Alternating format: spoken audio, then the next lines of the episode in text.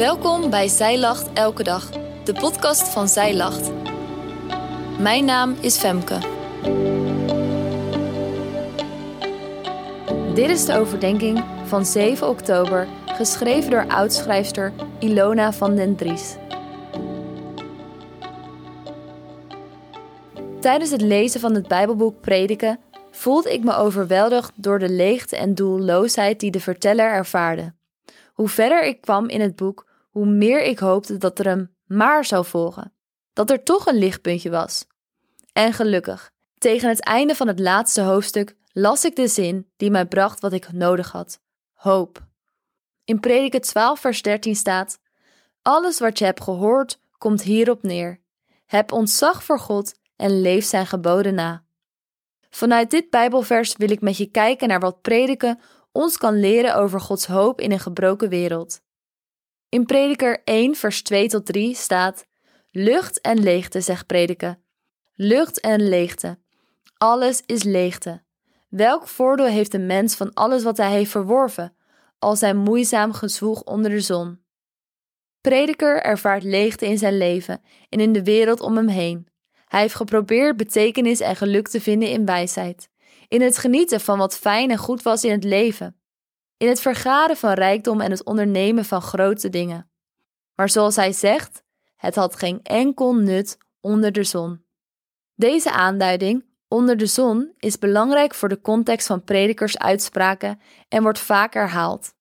Het kan worden uitgelegd als het leven op aarde, letterlijk onder de zon waar prediker ook kijkt en prachtige dingen voor zichzelf verzamelt. Niets lijkt hem de vervulling te brengen die hij zoekt. Dat is waar hoofdstuk 12, vers 13 hoop brengt. Ondanks zijn wanhoop blijft prediker van mening dat het belangrijk is ontzag te hebben voor God en zijn geboden na te leven. In het volgen van God vindt hij dan toch betekenis. En dit deed mij denken aan wat Jezus zegt in Matthäus 6, vers 19 tot 21. Verzamel voor jezelf geen schatten op aarde. Mot en roest vreten ze weg en dieven breken in om ze te stelen. Verzamel schatten in de hemel. Daar vreten mot noch roest ze weg. Daar breken geen dieven in om ze te stelen. Waar je schat is, daar zal ook je hart zijn. Ondanks dat prediker meerdere malen zegt dat het belangrijk is om te genieten van het leven, vinden we uiteindelijk geen vervulling in wat onder de zon is. Nee, ik geloof dat het in God is dat we vervulling vinden. Hij wil betekenis brengen in ons leven. Als we onze harten op Hem richten en we schatten in de hemel verzamelen in plaats van hier op aarde, wordt ons dagelijks leven rijk aan betekenis door de plaats die wij mogen hebben in Zijn plan. En dan in Prediker 3, vers 11 staat: God heeft alles wat er is de goede plaats in de tijd gegeven. En ook Hij heeft de mens inzicht in de tijd gegeven. Toch kan de mens het werk van God niet van begin tot einde doorgronden. Maar als God een plan met ons leven heeft, waarom voelen we ons dan soms zo verloren? Door het boek heen beschrijft Prediker wat er mis is met de wereld. Overal waar hij zoekt naar iets waardevols, vindt hij slechts leegte. Dit herinnert me aan dat we in een gebroken wereld leven.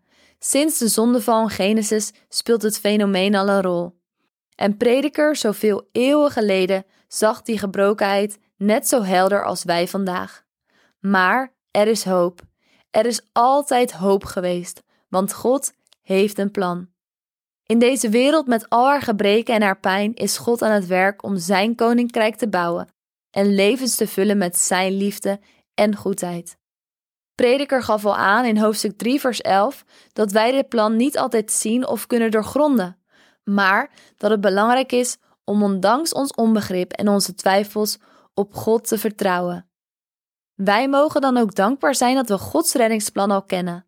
Wij mogen weten dat Jezus leeft en dat Hij voor ons gestorven is en opgestaan, om ons terug te brengen bij de Vader. We mogen uitzien naar de dag dat de wereld weer heel en vervuld is van alles wat goed is.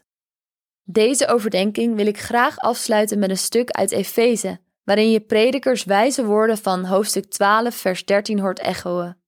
Dit staat in Efeze 5, vers 1 tot 2. Volg dus het voorbeeld van God, als kinderen die Hij lief heeft, en ga de weg van de liefde. zoals Christus die ons heeft liefgehad en zich voor ons gegeven heeft als offer, als een geurige gave voor God. Ook al leven wij nog in een gebroken wereld, God is er altijd. Wij mogen getuigen van Gods liefde, het offer dat Jezus bracht uit liefde voor ons allemaal. Wij mogen zijn voorbeeld volgen en God en onze naaste liefhebben. We mogen iets van Gods liefde brengen in de duisternis, zijn vervulling in de leegte. Door al zijn twijfels en vragen heen mogen wij vertrouwen op de Heer, want Hij is onze hoop.